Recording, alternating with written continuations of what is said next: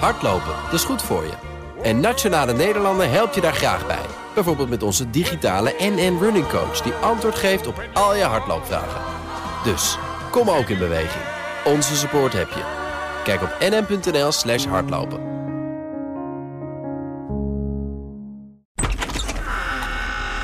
Ik heb een tijdelijke pas. Volgende week donderdag krijg ik mijn eigen pas. Met een fotootje. Ja, met een fotootje. Die moest nog gemaakt worden. En ik moest eigenlijk langs voor een foto. Ik moest, nee, ik moest langs om een afspraak te maken voor een foto. Wat ik Ja. heel gek vond. En toen ik eenmaal langs was, werd er ook gewoon een foto gelijk gemaakt. Wat natuurlijk zo logisch is. Ja, dat is wat je verwacht. Ja. Maar het was wel een gedoe hoor, jeetje. Ja? Thomas heeft vorig jaar toch ook al dat hele verhaal. Ja, ja, ja. ja. Ja, het was wel ehm, in begin december al aangevraagd. En je moet er gewoon heel veel achteraan bellen. En dan krijg je de verkeerde mensen aan de lijn. En nou ja, het is een heel lastig allemaal. Altijd weer die verkeerde vrienden. Ja. En dan zouden we daar Martine moeten kunnen horen. Ik hoor jullie. Hey, En jij hoort ons ook. Goedemorgen. Goedemorgen. Dan gaan we lekker van start, dan zeggen we. Dit is Nieuwsroom Den Haag van vrijdag 7 januari 2022. En officieel mag je geen gelukkig nieuwjaar meer zeggen. Maar Nee. zouden mensen het heel erg vinden als je ze toch het beste wenst? Denk het niet toch? Oké, bij mij in de studio Leendert Beekman van BNR Nieuwsradio. En aan de eh, lijn op afstand Martine Wolzak van het Financiële Dagblad, de Haagse redactie daar. Welkom allebei in het nieuwe jaar. Ja, dankjewel Mark. Dankjewel. Zijn jullie er klaar voor? En het is niet alleen een nieuw jaar, het is ook de laatste dag met de oude regering. Maandag een helemaal nieuwe periode met nieuw elan en nieuwe bestuurscultuur eindelijk. Martine? Eh, ik heb het idee dat zoals wel vaker het, eh, het ene jaar vrij naadloos in het, eh, in het vorige overgaat. En wat dat betreft ben ik ook wel benieuwd. Ja, het is een, nieuwe, een nieuw kabinet, een nieuwe ploeg, veel nieuwe gezichten. Maar het zijn dezelfde partijen. Ehm, dus hoeveel frisser anders het gaat worden, ik ben heel benieuwd. Maar niemand zit op zijn oude plek, toch? Ik bedoel, iedereen gaat weer nieuwe problemen fris mee aan de slag. Ja, dat vind ik wel een van de, de meest opvallende dingen. hè. De, de- vorig weekend werd uiteindelijk bekend hoe eh, eh, de ploeg er precies uit zou komen te zien. Heel veel namen waren al eh, in de weken daarvoor uitgelekt. Maar toch ook nog best wel een aantal niet. En als je dan uiteindelijk het totale plaatje ziet, ja, dan, dan is de, de premier, de beoogde premier, moeten we officieel nog steeds zeggen, eh, Mark Rutte, de enige die terugkeert op de plek waar hij al tien jaar zit. En dus ja, gewoon echt de routinier van, van zijn team. En alle andere ervaren krachten die terugkeren, komen op een nieuwe plek. En af en toe ook wel echt op een plek waarvan je denkt van nou, dat is echt wel een, eh, een heel ander dossier dan dat je hiervoor had. Eh, denk aan eh, nou ja, staatssecretaris Veilbrief die de Belastingdienst deed en die nu mijnbouw gaat doen. Of eh eh Kasia Olongren, die van eh, Binnenlandse Zaken naar Defensie gaat. Ja, dat zijn mensen die zullen zich toch de eerste tijd fix moeten gaan inwerken in hun nieuwe portefeuille. De mijnbouw dat gaat vooral over het uitbetalen van de schadevergoeding aan Groningen, toch? Dat is wel een heel belangrijk onderdeel daarvan. En ik denk met het nieuws wat er net bekend is geworden... Hè, dat Ja, van de productie toch weer opgeschroefd gaat worden. Nou ja, hij kan zijn borst nat maken meteen. Ja, Maar jullie daar dat- meteen dat- van wakker? Dan je oh jeetje, wat gebeurt er nu? Eh, Die arme vuilbrief moet nu meteen... Nou ja, hij gaat, niet, hij gaat het absoluut niet makkelijk krijgen. Deze week is hij natuurlijk ook bij Rutte op, eh, op bezoek geweest. Dan staan wij buiten, dan ontvangen we hem daarna. Het ging alleen maar over Groningen. Over mijnbouw hebben we het verder niet gehad. Nee, het gaat over de mensen die gecompenseerd moeten worden in Groningen. Ik ga nergens over speculeren nu. Ik ben nog niet begonnen. Ik ben nog niet begonnen. Ik ben nog staatssecretaris van Financiën. Dus vraagt u me nou volgende week over allerlei dingen die te maken hebben met de inhoud van het beleid. Dit gaat over mijn intenties. En mijn intenties zijn de Groningers helpen. En dan zegt hij, we moeten goed naar ze gaan luisteren en de problemen gaan oplossen. Ik ben Feyenoorder, zei hij. Geen woorden, maar daden. We gaan nu echt zorgen dat deze mensen gecompenseerd gaan worden. Dat, eh, en voor het eind van de week komt dan het nieuws naar buiten... dat het ministerie in elk geval zegt... Ja. eh, wij vinden dat er twee keer zoveel Gronings in, Gronings gas in dit laatste jaar moet worden opgepompt. Ja, dan kan hij twee dingen doen. Hij kan naar zijn ambtenaren luisteren en dat advies overnemen. Of hij kan maandag gelijk beginnen met een donderspeech. Jongens, dit gaan we niet doen. Als hij zijn, eh, zich meldt voor het eerst op zijn eh, departement. Was dit een kleine staatsgreep, Martine, van het ministerie? Wat dacht, oh, we zitten even in een uh, stadhouderloos tijdperk. Uh, we gooien snel een berichtje naar buiten. Dan moet de nieuwe staatssecretaris er wat mee? Nou ja, dat is, is natuurlijk wel wat je dan heel. Wat je, hè, je eerste reflex is denken van oké, er wordt nog snel eventjes wat naar buiten gebracht voordat de nieuwe ploeg aantreedt. Ehm, ik weet het niet. De werkelijkheid is soms echt een stuk banaler. Uh, in dit geval, waarom het nu precies nu naar buiten zou moeten zijn gekomen, ik, uh, dat durf ik niet zomaar te zeggen. Uh, want het bericht was. De regering gaat voor 1 april besluiten dat, hè? Of, of eigenlijk. Dus dan denk je, nou, dat bericht had ook best wel volgende week naar buiten kunnen komen. En die arme vuilbrief. Ja. Nou, ik, ik, ja, weet je, ik denk voornamelijk die arme vuilbrief. Uh, dat is natuurlijk wel ook een hele Haagse manier om er tegenaan te kijken. Uh, ik kijk vooral even ook naar hoe de reacties nu in Groningen zijn. -huh. En mensen zijn echt heel erg boos. En voelen zich ongelooflijk belazerd. En dat er is keer op keer verzekerd: dit gaat niet gebeuren. Nou, was een paar maanden geleden al een eerste brief opgedoken... waarin toch een voorzichtige hint gegeven werd... ja, helemaal zeker weten doen we het niet. Uh, en ik denk dat mensen in Groningen hard vasthielden... ook met die oplopende gasprijs. Nou, die wordt nadrukkelijk niet als reden genoemd... waarom ze de productie op gaan schroeven. Maar ja, de mensen begonnen al een beetje onrustig te worden. En als er dan zo'n brief komt van die productie gaat toch hoger uitvallen dan we aanvankelijk dachten. Ja, die mensen daar maken zich echt heel veel zorgen. Ja, nou ja, ik pak natuurlijk gewoon het Haagse perspectief, omdat dit een uh, Haagse podcast is. Hè? Ook al gaat het over mensen in Groningen. Ik snap het. Natuurlijk. Toch, ik, denk ik dat je als luisteraar ja. toch je, ja, je, je, je medelijden in eerste instantie ligt niet bij uh, meneer Veilbrief. Nou, die, die wordt overvallen door zijn ambtenaren, lijkt het. En dat is nooit een goed begin. Dus dan denk ik, de arme meneer Veilbrief, dat hij daar binnenkomt en kennelijk zijn ambtenaren tegen zich vindt. Of hij zit in het complot. Dat is de andere mogelijkheid. maar wat je nou, dus... jongens, dat complot denk Oh, sorry, sorry. Ja, complot Nee, tegen dat gaan we straks. een Gaan we grapje. straks. Gaan we Ja, maar wat je wel Dat- ziet is dat Veilbrief gaat zeggen, en die komt naar buiten. Die zegt we moeten gaan luisteren naar de mensen in Groningen. Dat is één van de dingen die hij wil gaan doen. De formatie is ook in Groningen geweest. Wat zeiden de mensen in Groningen? Stop nou eens met luisteren en doe wat je beloofd hebt. En wat gebeurt er nog voordat hij geïnstalleerd is als eh, staatssecretaris? Komt dit naar buiten? Ja, ik snap wel dat ze woedend zijn in Groningen hierover. Want die, ze hadden ook helemaal geen zin hè, in die hele formatie, eh, dat hele formatiecircus dat in Groningen kwam. Van, nou, wat komen jullie hier nou doen? Hè, zorg ervoor dat er een nieuw. Ja. kabinet komt. En eh, kom niet met ons nog eens een keertje praten.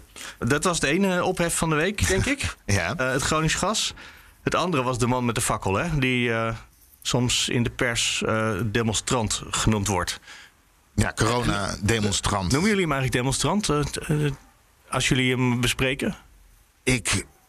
Ja, hoe noem je zo iemand? Nou ja, ik denk dat ik niet. het over het algemeen wordt dat week? Wappie, denk ik dat we Wappie? dan... eh, want dat, Ook een te lief woord, hoor, vind maar ik. Dit is. Ik schrok er. Uiteraard, iedereen heeft Ik schrok er echt van. Ik, ik, ik, voelde eventjes, ik voelde even helemaal mee met wat zij gevoeld moet hebben op dat moment. Ja, ja. Want het is, het is natuurlijk super bedreigend. Ja. En het gekke is dat. Er man met een fakkel voor de deur ja, staat. er zijn ook mensen geweest die gezegd hebben: ja, goed, het is helemaal geen wapen. Je mag bij iemand in de straat staan. Dan denk ik van ja, het is wel heel makkelijk om het op die manier uit te leggen. Het zal misschien allemaal waar zijn. Maar dit is echt heel bedreigend. Als iemand met een brandende fakkel echt letterlijk voor je deur staat. Ja, staat uit te Ja, bellen. dat, eh, en ook voor de buren. Het zou, het zou, het zou, er zou er iemand bij je in de straat staan zo. Ik zou niet weten wat ik zou doen. Blussen. Ja, maar nou is het natuurlijk wel zo dat eh, zowel de ChristenUnie-zegers als Hugo de Jonge hebben gezegd... die hebben echt gewezen naar Forum voor Democratie. Mhm. Dit is een klimaat die zij, zeg maar, gecreëerd hebben... waarin dit uiteindelijk eh, mogelijk is. Ja, en volgens mij de halve Kamer inmiddels. Heel veel nog eventjes, want dat, dat vind ik een interessant punt. Maar ook toch, hoe heet hij in eh, het Financieel Dagblad, Martine? Een fakkelzwaaiende man. Een fakkelzwaaiende Heel man. feitelijk. Ja, ja nou, Ja. maar dat is prettig. Hij heet, hij heet natuurlijk ook eh, de fakkelman, wat alweer weer gezellig klinkt. Eh, dat is misschien, weet je, want je zou het als het eh, als hij een moslimachtergrond had, was hij een terrorist geweest vandaag. Eh, denk ik. En dan, dan noem je hem niet de fakkelman, want dat klinkt veel te gezellig. Ja. Even goed, eh, jij begon eh, te zeggen. Ja, er wordt gewezen naar Forum voor Democratie. Ja. Hè? Woorden doen ertoe. Woorden doen ertoe. Spreken over tribunalen, spreken over politici die achter de tralies zouden moeten. En, eh, überhaupt de hele eh, manier waarop Forum voor Democratie eh, zijn woorden kiest, eh, ja, dat is niet zonder gevaar. Er zijn mensen die denken, ja, dat, dat, dat, die voelen zich daardoor gelegitimeerd om, om over te gaan tot gedrag in de richting van politici. eh, wat ver, ver, ver over de grens is. En wat je niet anders kunt zien dan als intimidatie en bedreiging. En, en daarmee ook niet onschuldig Het is is. een soort omslag deze week geweest. Dat zo'n beetje alle politici ineens zeggen... Forum is het probleem. Dit is de schuld van Forum. Is- Is dat ook jullie observatie? Nou, het is wel opvallend dat er zo expliciet nu naar Forum gewezen wordt... op het moment dat er een eenling... ehm, nou, zo kan je natuurlijk niet helemaal kwalificeren... want er liepen ook nog mensen om hem heen die het aan het filmen waren... maar er is toch iemand die niet een Kamerlid is of zo... voor, eh, voor Forum voor Democratie. Niet Maar wel iemand die op veel Forum-demonstraties bij eh, aanwezig was. Ja, maar kan je... Zij zijn niet een sympathisant, maar ze zijn natuurlijk niet verantwoordelijk voor elk lid en elke sympathisant voor hetgene wat, wat zij doen. Als je je achterban zit op te hitsen en zegt mensen moeten achter de tralies. En Nou, iemand ga gaat toch proberen eventjes- mensen achter de tralies te krijgen, dan ben je daar toch. dat Maar je moet even goed kijken wat. Ik ga even vanuit Forum. Maar je moet even goed kijken op de manier waarop die Forum-Kamerleden dat doen. En je kan Mhm. zeggen ophitsen. Maar wat er over het algemeen gebeurt, is dat zij retweeten.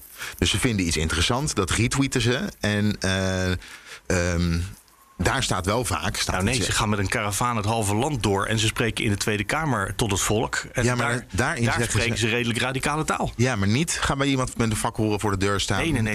Eh, verstandig genoeg om niet te zeggen dat je eh, mensen moet intimideren of dat je mensen moet eh, bedreigen. Maar ik vraag toch, wie voedt wie? Dat is een beetje de vraag. Wordt Forum en de Forum eh, voor Democratie Kamerleden ook in hun ideeën gevoed, juist door die social media en de mensen die ze, Mhm. die ze daar volgen en lezen, dus die hun eigen fabeltjesfuik? Of voeden zij hun achterban die daardoor in complotten gaat geloven? En tegelijkertijd, sna- er is wel iets veranderd in de Haagse politiek, volgens mij, voor mijn gevoel. Want ineens, ik hoorde van eh Linia Marijnissen en van Ploemen en van Segers, want die was als eerste, en van Hugo de Jonge. En kortom, over allerlei part- politieke partijen hoor je ineens, eh, Forum is toch misschien wel het probleem waar we wat aan moeten doen. En nou, niet wij wat aan moeten doen, Forum moet zich gaan gedragen. Dat is, is, die, is die omslag in jullie observatie er ook?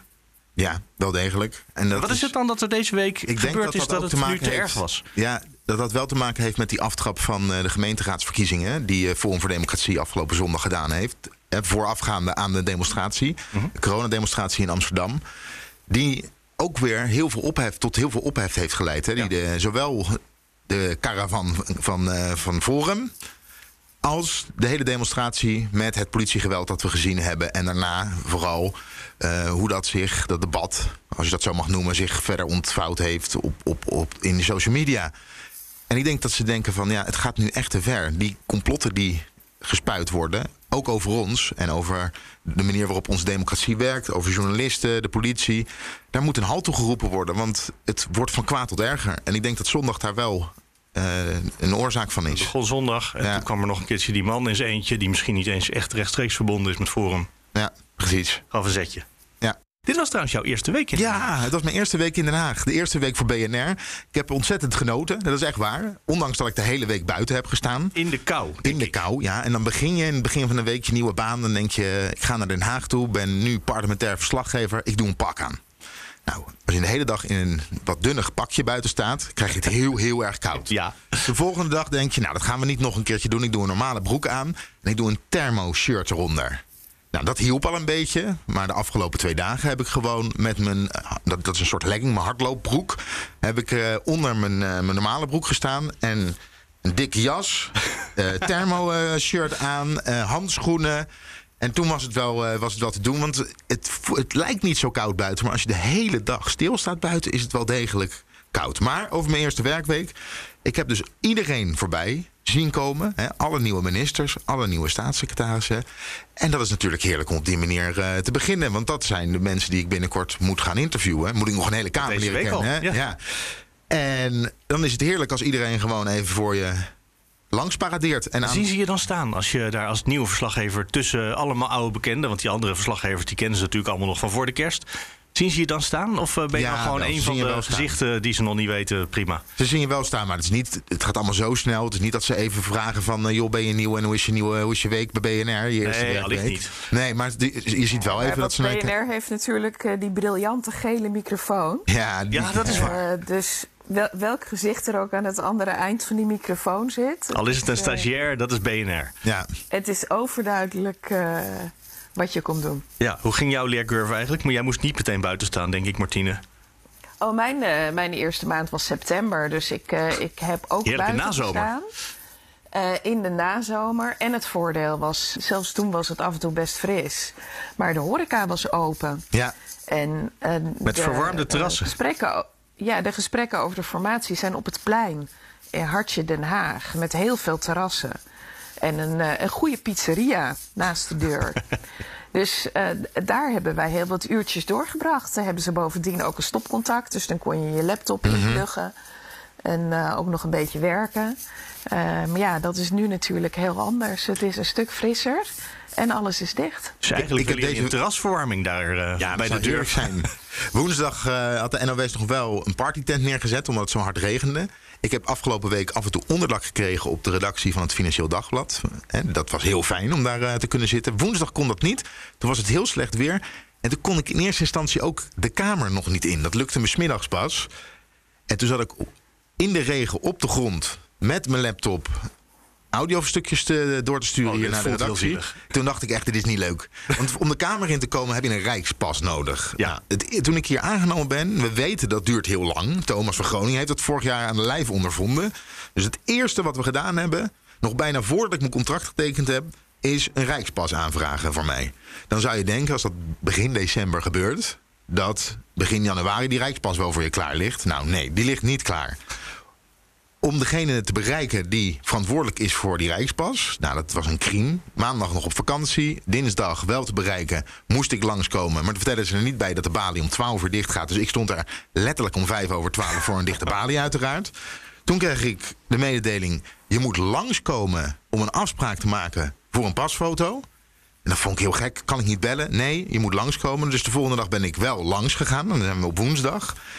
En toen heb ik wel een pasfoto gekregen. Want het was natuurlijk heel gek om langs te komen voor een afspraak voor een pasfoto, terwijl ze hem direct kunnen maken. Dus het is gedaan. Volgende week krijg ik een pas. Ik heb nu een tijdelijke pas. Daar kon ik smiddags kon ik daarmee het kamergebouw je in in. elk geval ook de redactie van BNR in kan. Want die zit natuurlijk achter de poortjes. Ja, die zit achter de poortjes. En ik was uiteindelijk op de redactie en ik ging in mijn stoel zitten en ik, het voelde heerlijk. Ik was hè, na 2,5 dag dakloos geweest te zijn, kan ik eindelijk mijn eigen redactie eh, op. Ja, maar daarvoor mocht je dus eh, schuilen al bij het Financiële Ja, Dagblad. ja, mocht ik af en toe. Dankjewel, Martine. Ja, aardig hè? Ja, graag gedaan. Nou, ik heb ook regelmatig op de redactie van BNR gezeten. Wij zitten niet in het Kamergebouw. eh, Nee, je zit er buiten Dus, ergens, hè? Hebben een statig ja. pand, eh, zoals dat Ja. bij het FD Ja. hoort. zoals hoort bij het FD inderdaad. Ja, en dan de ploeg. Ja, Ik vind het een. eh, uiteindelijk, we hebben natuurlijk al gezegd dat iedereen zit op een ander plekje die al in het kabinet zat. Heel veel nieuwe gezichten. Maar ik vind wel, zeker bij de nieuwe gezichten, het, het, het, het straalt heel veel energie uit. ja? Vond ik persoonlijk. Ja, Dus dat elan waar Mark Rutte het steeds over heeft, dat heb jij gezien. dat heb ik gezien, ja. Ik vraag me wel af, met alle problemen die er op dit moment spelen, hoe lang hè, die frisheid en eh, het enthousiasme blijft. kan je, misschien, misschien is het niet leuk om te zeggen, maar het is echt een hele lastige klus waar, deze, waar, waar dit kabinet voor staat. Ja. Ze hebben heel veel ambities neergelegd die in mijn ogen heel lastig haalbaar zijn. Een mooie daarvan is Hugo de Jonge, hè, die eh, eh, minister wordt voor volkshuisvesting en ruimtelijke ordening. Die moet de aankomende tien jaar moet hij ervoor zorgen dat er een miljoen woningen gebouwd worden. 100.000 op jaarbasis. Nou is er al gezegd, dat gaat eigenlijk niet. Want de grondstoffen zijn niet eh, voorradig. En eh, de mensen om het te doen. Ruimte is lastig. En de ruimte mensen is zijn lastig. Ja. En dat wordt voor hem één grote teleurstelling, wordt dit. Denk ik echt. Wat ik een interessante analogie vind, is dat eh, hè, de Nederlandse zorgsector is natuurlijk heel versnipperd en ook heel veel gedecentraliseerd. Dus het is heel moeilijk om vanuit Den Haag, wat, wat we eigenlijk de afgelopen twee jaar in die coronacrisis af en toe wilden, dat er iemand met de vuist op tafel slaan en zeggen: we gaan het zo doen. Ja, dat, dat is heel moeilijk als je met al die verschillende organisaties te maken hebt. Maar zou misschien Hugo de Jonge dat niet heel erg goed kunnen inmiddels? Want die heeft natuurlijk een, Nou, jarenlang kunnen oefenen Precies, daarop. daar heeft hij dus heel veel ervaring mee op kunnen doen. En eh, eh, nee, bij wonen is het eigenlijk niet heel anders. Ja. Je hebt de woningbouwcorporaties, die gaan over de sociale woningbouw voor een heel groot gedeelte. Ehm, je hebt institutionele beleggers, zoals grote pensioenfondsen, die projecten ontwikkelen en daarin investeren. Ehm, je hebt de gemeente, de provincie, projectontwikkelaars. Ook dat zijn weer heel veel verschillende spelers. Nou ja, dat, die boel in beweging krijgen en de regie in handen proberen te krijgen. Wat de taak gaat worden voor de minister Volkshuisvesting uh, en uh, Ruimtelijke Ordening. Nou ja, daar, uh, je, je zou bijna denken dat zou een eitje moeten worden na wat hij de afgelopen twee jaar heeft meegemaakt. Maar tegelijkertijd, ja, vastgoed, alles in vastgoed duurt lang. Ja. Alle procedures duren lang. Ja, en zeker. Ik ben. duren lang. Ja, ze hebben nog maar drie jaar. En dan zijn er alweer verkiezingen. Ik ben zelf verslaggever geweest, zowel bij de provincie als bij in de gemeentepolitiek. De besluitvorming in deze beide bestuurslagen is zo ongelooflijk traag. Voordat je uh, een nieuw bouwproject van de grond hebt. En dan is er nog, hè, die moet eerst een, een, een, een, een kaderbesluit moet er komen. En dan moet er nog een uitvoeringsbesluit komen. Überhaupt moet er bedacht worden waar gaan we dan bouwen. Dan ben je echt minimaal een jaar verder, als het niet langer is. Ja. Ik las vanmorgen een stuk in de correspondent van Simon van Teutem. En die sprak zelfs nog tegen wat jij net zei. Hij zei: Het is allemaal heel ambitieus. Gaan ze het redden? En hij betoogde eigenlijk: Ze zijn helemaal niet zo ambitieus. Want de afgelopen jaren hebben we 70.000 huizen per jaar gebouwd. 100.000, het is dezelfde grote orde. We willen voorop lopen in uh, klimaatbeleid in Europa. Wat willen we? 55 procent uh, minder CO2. Ja, en daarom zetten we in op 60 in de hoop dat we dan die 55 halen. 60 is wat heel veel andere landen als uh, doel hebben. Dus die zetten helemaal niet in op 55. Er zijn ook landen met 73% als doel. Dus die 55 is het Europese minimum. In plaats van dat we koploper gaan worden. Stuk voor stuk streepte die al die ambities af tot nou, middelmaat of. Uh, het minimale. Nou ja, ik zei dat het heel lastig gaat worden. Ja, en, en maar als we dat dan ook nog eens niet gaan halen, dan hebben we toch helemaal geen ambitieus plan. Nee, dan hebben we inderdaad ik, geen uh, ambitieus plan. Ja. ja. dat klopt. Maar ik kijk eventjes naar... Voor mij is een van de allergrootste problemen... is het gebrek aan arbeidskrachten op dit moment... om deze plannen uit te voeren. Want je wil namelijk op justitie... He, we moeten meer politieagenten moeten we hebben. Uh, in het onderwijs, meer uh, onderwijzers uiteraard. Uh, de zorg, meer zorgpersoneel. Er moet gebouwd worden, ook voor de energietransitie hebben we meer personeel nodig. Want nu kunnen grote projecten niet eens aangesloten worden. Bijvoorbeeld woonwijken. Die kunnen niet nog op het net gezet worden. Omdat er gewoon niet genoeg mensen voor zijn om dat te doen. Waar ga je dat vandaan halen? Dus ja, de ambities die je hebt, ook om het onderwijs beter te maken, daar heb je wel de mensen voor nodig. En die zijn er simpelweg nu niet. Het is onmogelijk om dat uit te voeren. Eigenlijk, bij het FD, Martine, hebben jullie net eh, een uitbreiding van de Haagse redactie gedaan. Dat is onverantwoord. Ja. Eén of twee van jullie moet toch terug eh, naar de elektricienopleiding of zo.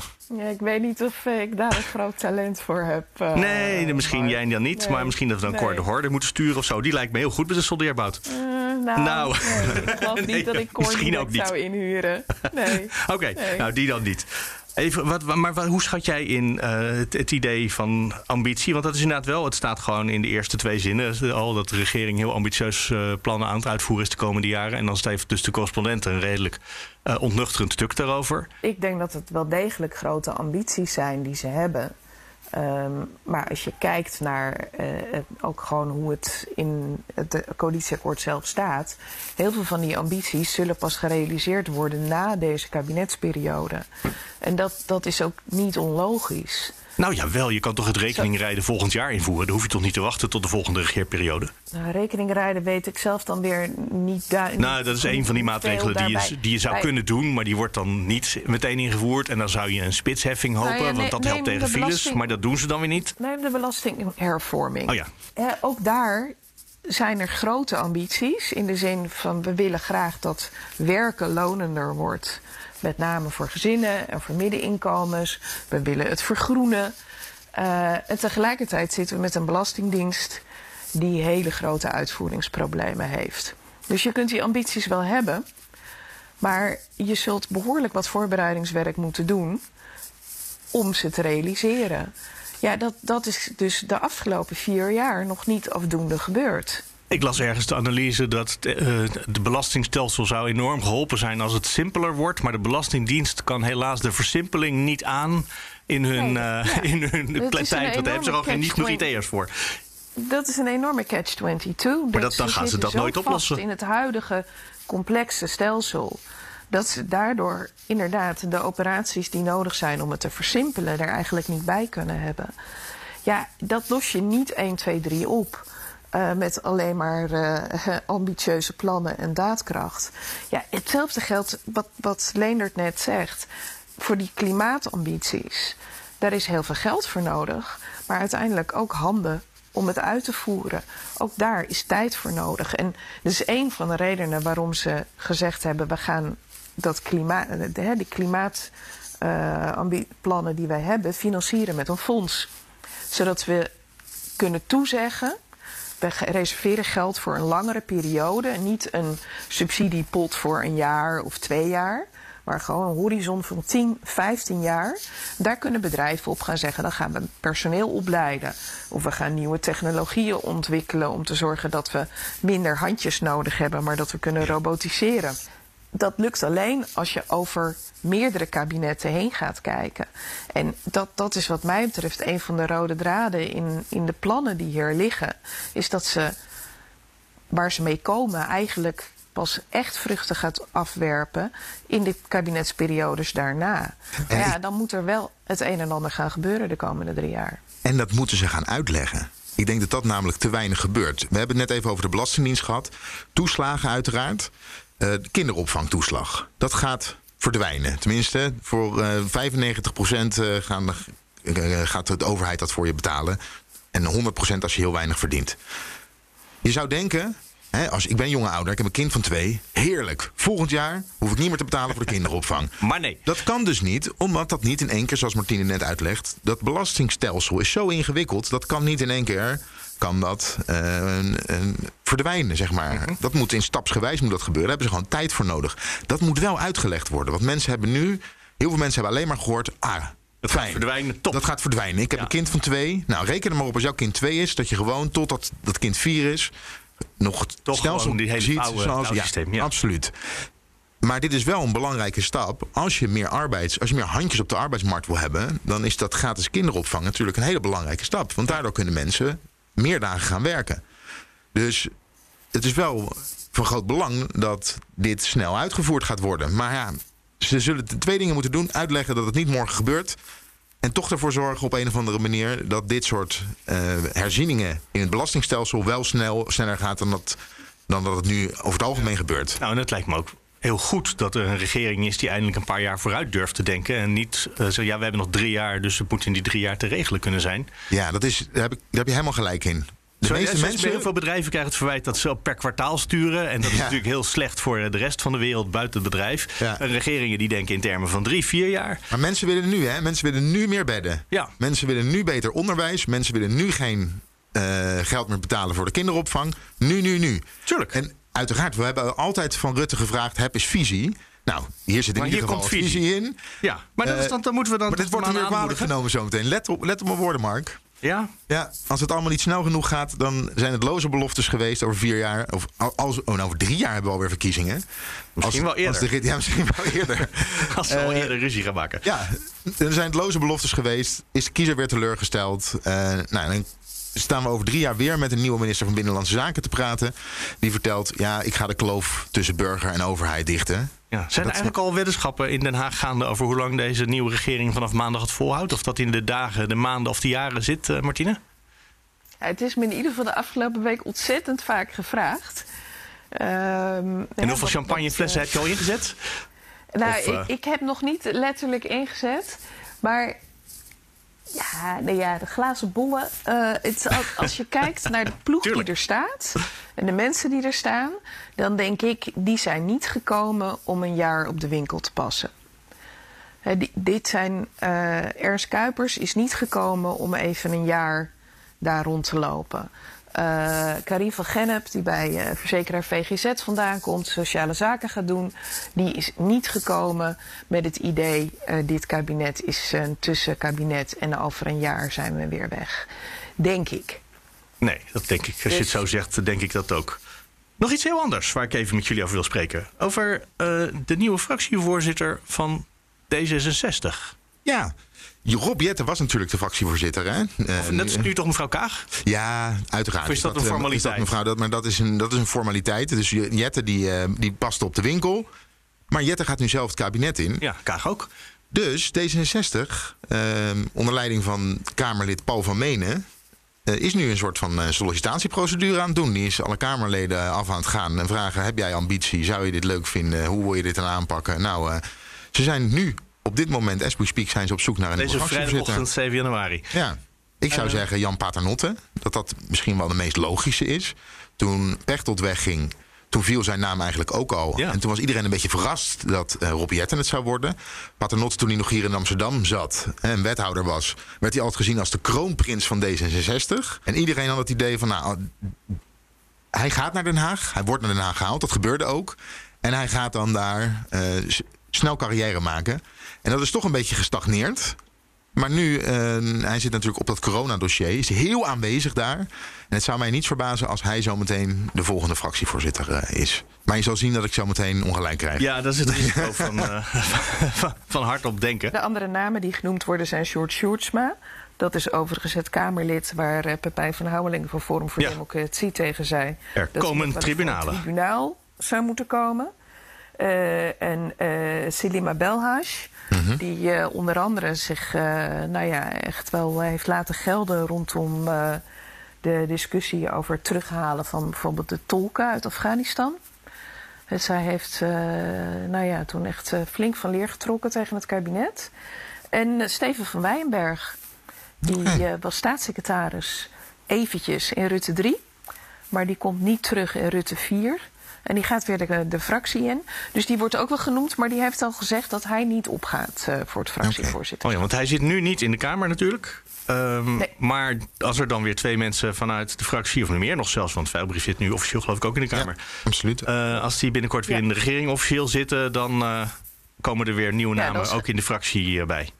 Ja, dan schuiven andere mensen eh, schuiven weer door. En eh, ja, Van Wijnberg staat op de lijst. Dus hij kan weer een plek innemen in de Kamer. Oké, maar hij gaat het niet doen. Dus dan wordt het Sjoerdsma of eh Belhuis. Of Zeggen, zeggen toch jullie. iets heel anders. Want hè, als we nee. Of nou Paternotte, of... het, ja, het precies. namenlijstje van eh, de mensen die uiteindelijk in het kabinet zijn gekomen. En de lijstjes die de afgelopen weken rondgingen. Daar er klopte heel weinig van Nee, alle precies. Maar als we het dan toch over schuiven hebben, dan moeten we het ook over het CDA hebben. Daar komt namelijk ook een eh, plaatsje vrij. En die zou wel eens naar Mona Keizer kunnen gaan. Die, Als die ja zegt, dan mag ze de als Kamer ze in. ja zegt. Wat Ja. denk jij? Gaat Ja. zij ja zeggen?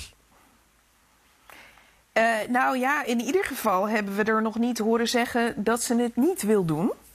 Ehm, en En die is ontslagen als, eh, als minister?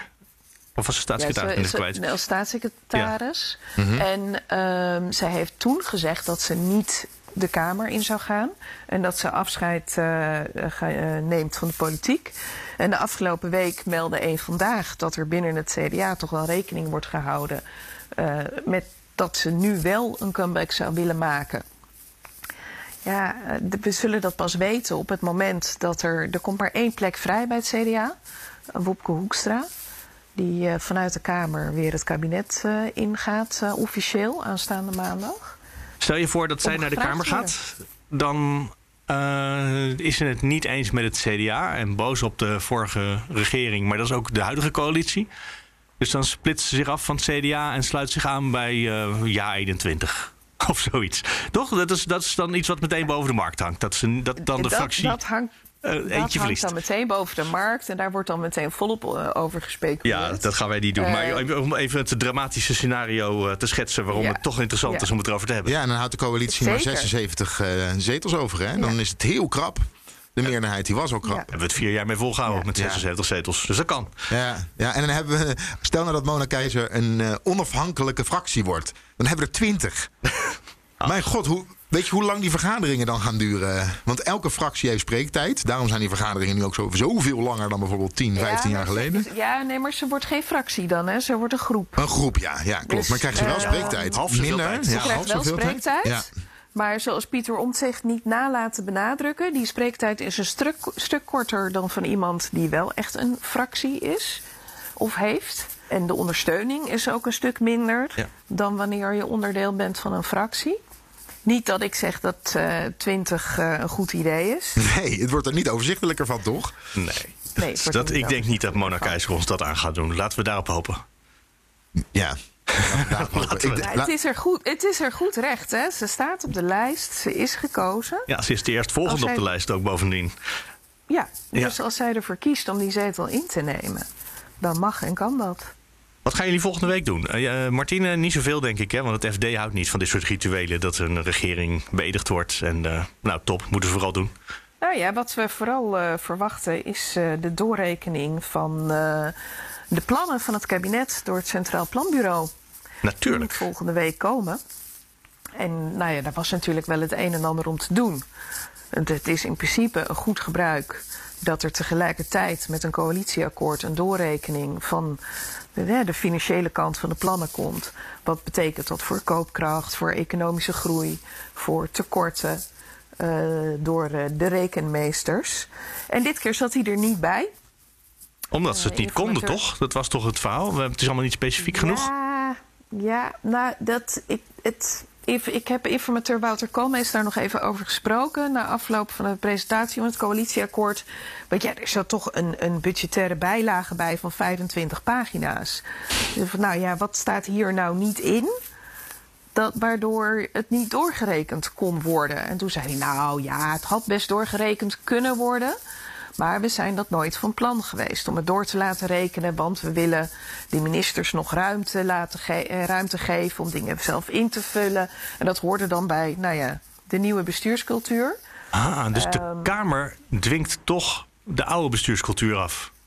Ja, achter de schermen hoorde je ook wel andere verhalen. Namelijk dat er gewoon te weinig tijd was. Hmm, om het CPB de plannen nog door te laten rekenen. Want ze wilden gewoon ontzettend graag uh, voor de kerstvakantie. Ja, voor het nieuwe jaar. Een, een, coalitieakkoord neerleggen en zeggen we zijn eruit. Uh, en het CVB heeft ongeveer een week nodig om dingen door te rekenen. En er is tot op het laatste moment nog aan gesleuteld. Nou, dat dat de reden zou zijn waarom ze het niet gehaald hebben. Uh, om het nog door te laten rekenen. En tijdens het formatiedebat heeft de Kamer gevraagd van ja, maar wij willen toch wel heel graag zo'n doorrekening zien.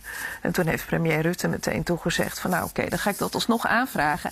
En nou wordt er inderdaad een doorrekening gemaakt op basis van het coalitieakkoord dat er ligt. Dus kennelijk staat er inderdaad voldoende in om, uh, om te, aan te gaan rekenen. Ja, of dan krijg je straks allemaal uh, sterretjes bij. Uh, nou ja, dit is met een flinke marge. Moeten we allemaal niet serieus nemen. dat, dat kan natuurlijk altijd. ook. Ja, is maar die, die marges kunnen natuurlijk een paar procent zijn of tientallen procenten zijn. Afhankelijk van wat u gaat ja. doen, Kamer.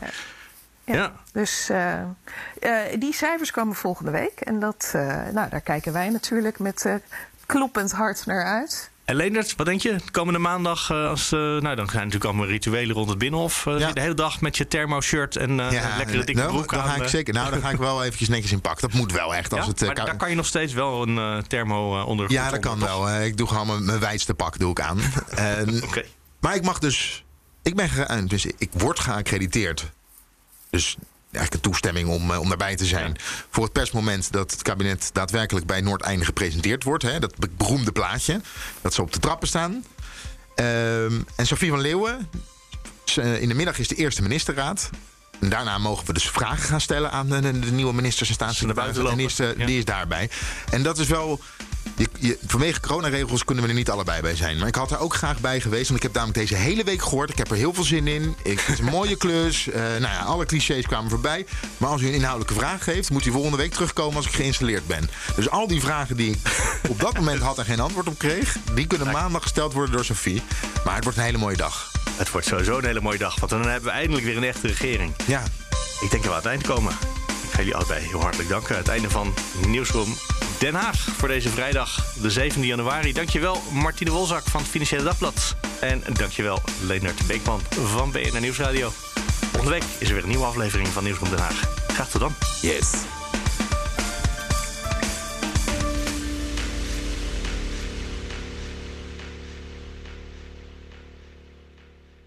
Business Booster. Hey ondernemer, KPN heeft nu Business Boosters. Deals die jouw bedrijf echt vooruit helpen. Zoals nu, zakelijk tv en internet, inclusief narrowcasting... de eerste 9 maanden voor maar 30 euro per maand. Beleef het EK samen met je klanten in de hoogste kwaliteit.